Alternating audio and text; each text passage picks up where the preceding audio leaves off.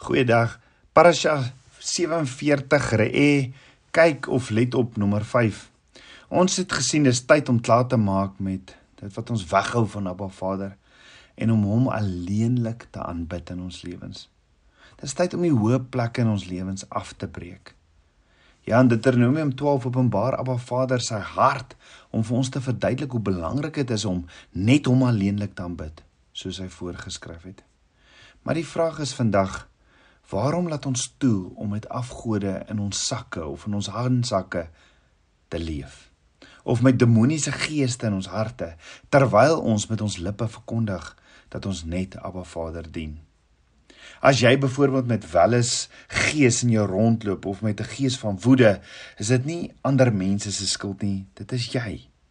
En dit beïnvloed en vernietig nie net jouself nie, maar almal wie jy liefhet. Net so as jy verslawing het, waarom kies jy om 'n slaaf te wees van iets wat verbode is na Ba Vader se tabernakel, jou liggaam vandag wat Yeshua den dierste voorbetaal het? En die vraag is, was die bloed van Yeshua nie genoeg om jou van jou selfsugtige vleeslike aard te bevry nie?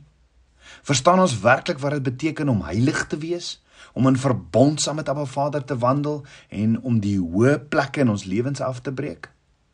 As ons doen, kan ons mos nie 'n slaaf van enigiets wees nie. Nie ongeag jou stryd of gebrek, ons word beveel om heilig te wees omdat hy heilig is, afgesonder vir hom. Ons word beveel om die mure af te breek wat nie van Abba Vader af is nie. Enige hoë plek of heidense gebruik verhinder ons om nader aan Abba Vader te kom. Dan heidense gebruike of die toelaat van geeste soos wel as vrees en woede verhinder ons om die volheid van die seëninge wat Abba Vader vir ons voorberei het te ontvang. Jy besef dit miskien nie tabernakelskind van Abba, maar jou lewe is belangrik. En jou lewe is gekoppel aan elke ander lewe in die liggaam van Yeshua. En dink daaroor. Is daar 'n deel van die liggaam wat nie die res van die liggaam beïnvloed nie? Nee, net so. Jou lewe maak saak. Jou lewe is belangrik. So die boodskap van Deuteronomium 12 wat Moses vir hom gee, is eintlik 'n oorlogskreet boodskap. Dis 'n boodskap wat waar ons ons swakhede ernstig moet opneem. Hulle deur geloof moet fight, hulle aanval en die slegte invloed in ons lewens uitskakel. Dit gaan oor die kinders van 'n Vader wat lewe volgens sy instruksies. Dit gaan oor uithou vermoë en 'n geveg in ons met dringendheid sodat ons tot sy beeld gevorm kan word met hy wat ons die krag gee wat in ons leef. So die vraag is: Wat het jy in jou lewe wat jy weet moet gaan? Wat is die dele van jou karakter wat uitgeroei moet word en wat na die beeld van Yeshua verander moet word? En hoe ver is jy bereid om te gaan om te bewys dat jy hom liefhet en hom 'n skoon, 'n heilige tempel vir hom aan te bied? Want sien alles wat ons sê en doen is aanbidding. As daar dus enige hoogtes en heidense praktyke in jou lewe is, sê hy, jy mag Jahwe jou God nie op hierdie manier aanbid nie. Laat ons dit vasmaak, Tabernakelskind van Abba. Yeshua is op soek na 'n priesterlike bruid want ons bruidegom is op pad. Maar Vader het dit spesifiek op my hart gesit en gesê hy wil hê ons moet klaarmaak ook met die gees van woede wat ons toelaat in ons. Dink daaroor. Het jy in die laaste 3 maande hierdie frustrasie en woede binne in jou gekry en jy weet jy moet dit nie binne in jou hê nie want dit bring jou so so in die verleentheid. Dis daai van ek het weer vandag vir Abba Vader teleurgestel want ek kon nie help nie. Toe ek weer kyk, het hierdie woede my oorval. Of is jou planne onlangs in die wiele gery of het dinge partykeer heeltemal anders uitgewerk as wat jy gedink het omdat jy so 'n woede uitbarsting gehad het in jou familie? Of het jy in die afgelope tyd dinge gedoen en gesê wat jy nie moes nie in 'n oomblik van hierdie warmte, in 'n oomblik van hierdie hitte, hierdie woede wat oor jou gekom het? En het jy onlangs in hierdie woede uitbarsting van jou goed gesê wat mense so so seer gemaak het?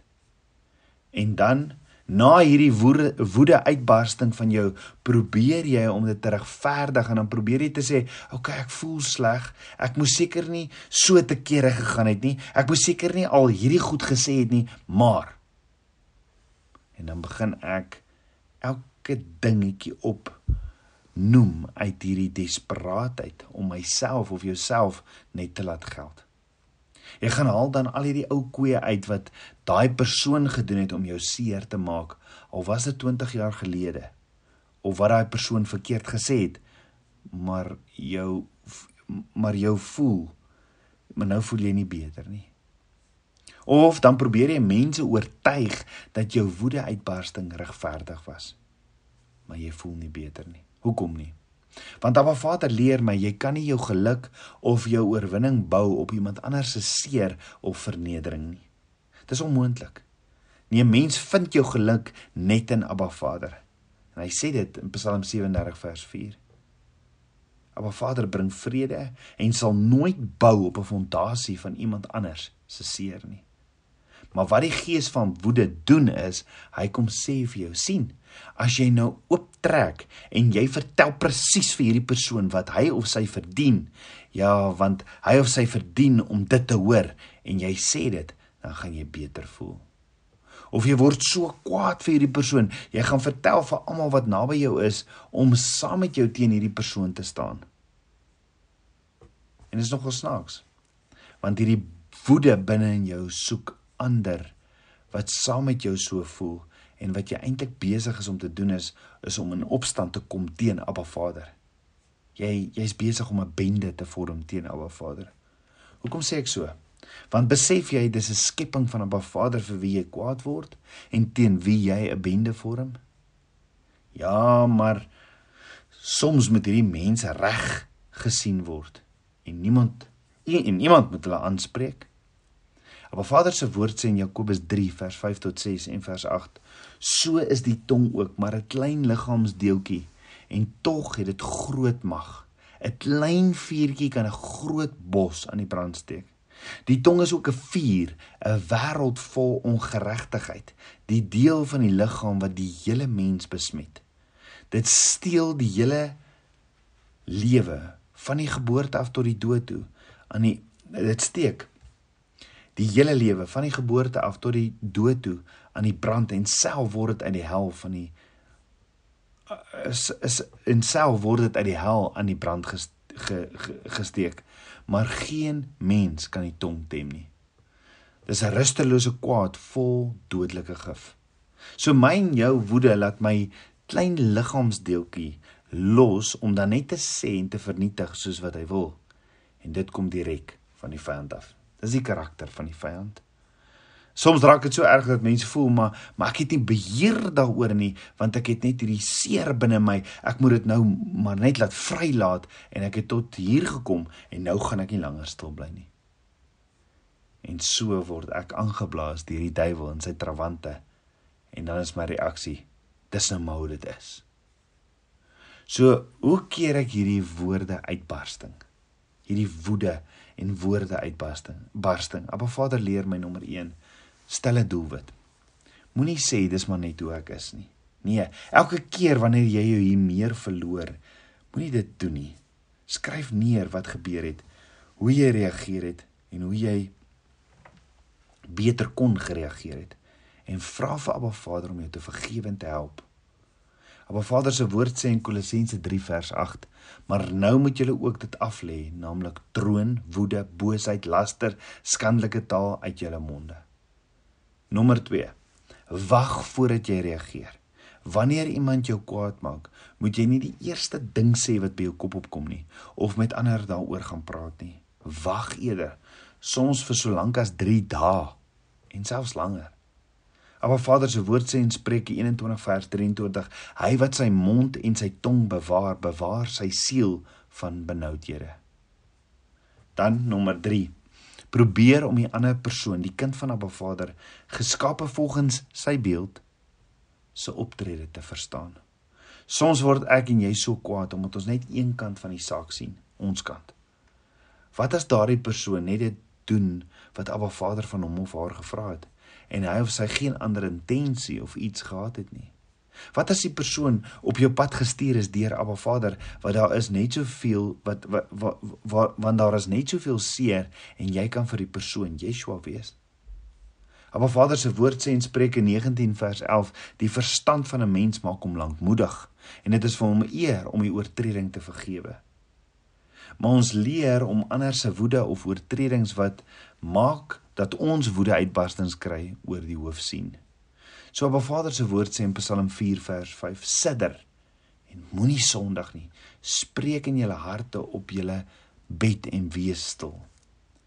Kom ons wees nie lig geraak en sondig nie, Tabernakels kind van Abba. As ek en jy die vyand toelaat om om dit reg te kry dat dat ek kwaad word, dat ek en jy kwaad word of om 'n woede uitbarsting te kry, maak ek die deur van my hart oop vir die vyand. En Abba Vader wil vandag vir my en jou in Spreuke 4 vers 23 tot 27 sê: "Bewaak jou hart, my kind, meer alle as alles bewa wat bewaar moet word, want daaruit is die oorsprong van die lewe." Verwyder van jou die valsheid van mond en hou ver van jou af die verkeerdheid van lippe. Laat jou oë reguit kyk en jou ooglede reg voor jou uithou. Maak die pad vir jou voet gelyk en laat al jou weë vas wees. Wyk nie regs of links af nie. Hou jou voet ver van boosheid. Om oor te ponder. Wanneer is om kwaad dan te word sonde in ons lewens en wanneer mag gekwaad word want tog het Yeshua kwaad geword en tafels omgegooi. Kom ons bid saam. Aba Vader, koning van my hart, Aba ek loof en ek prys U. Aba vergewe my my sondes, my my woede uitbarstings en jaag hierdie gees van woede of enige ander gees wat nie van U af is nie weg in Yeshua se naam. Vader, kom was my met die waterbad van U woord en vul my met die gees waarvan die vrug van hierdie van u gees liefde blydskap vrede lankmoedigheid vriendelikheid goedheid getrouheid sagmoedigheid en selfbeheersing is Vader ek wil u verteenwoordig Vader ek wil u lig skyn. Kom leef u droom deur my. Meer en meer van u Papa God. Ek bid dit alles in Yeshua Hamasiach se naam die seun van Jahweh. Amen. Shalom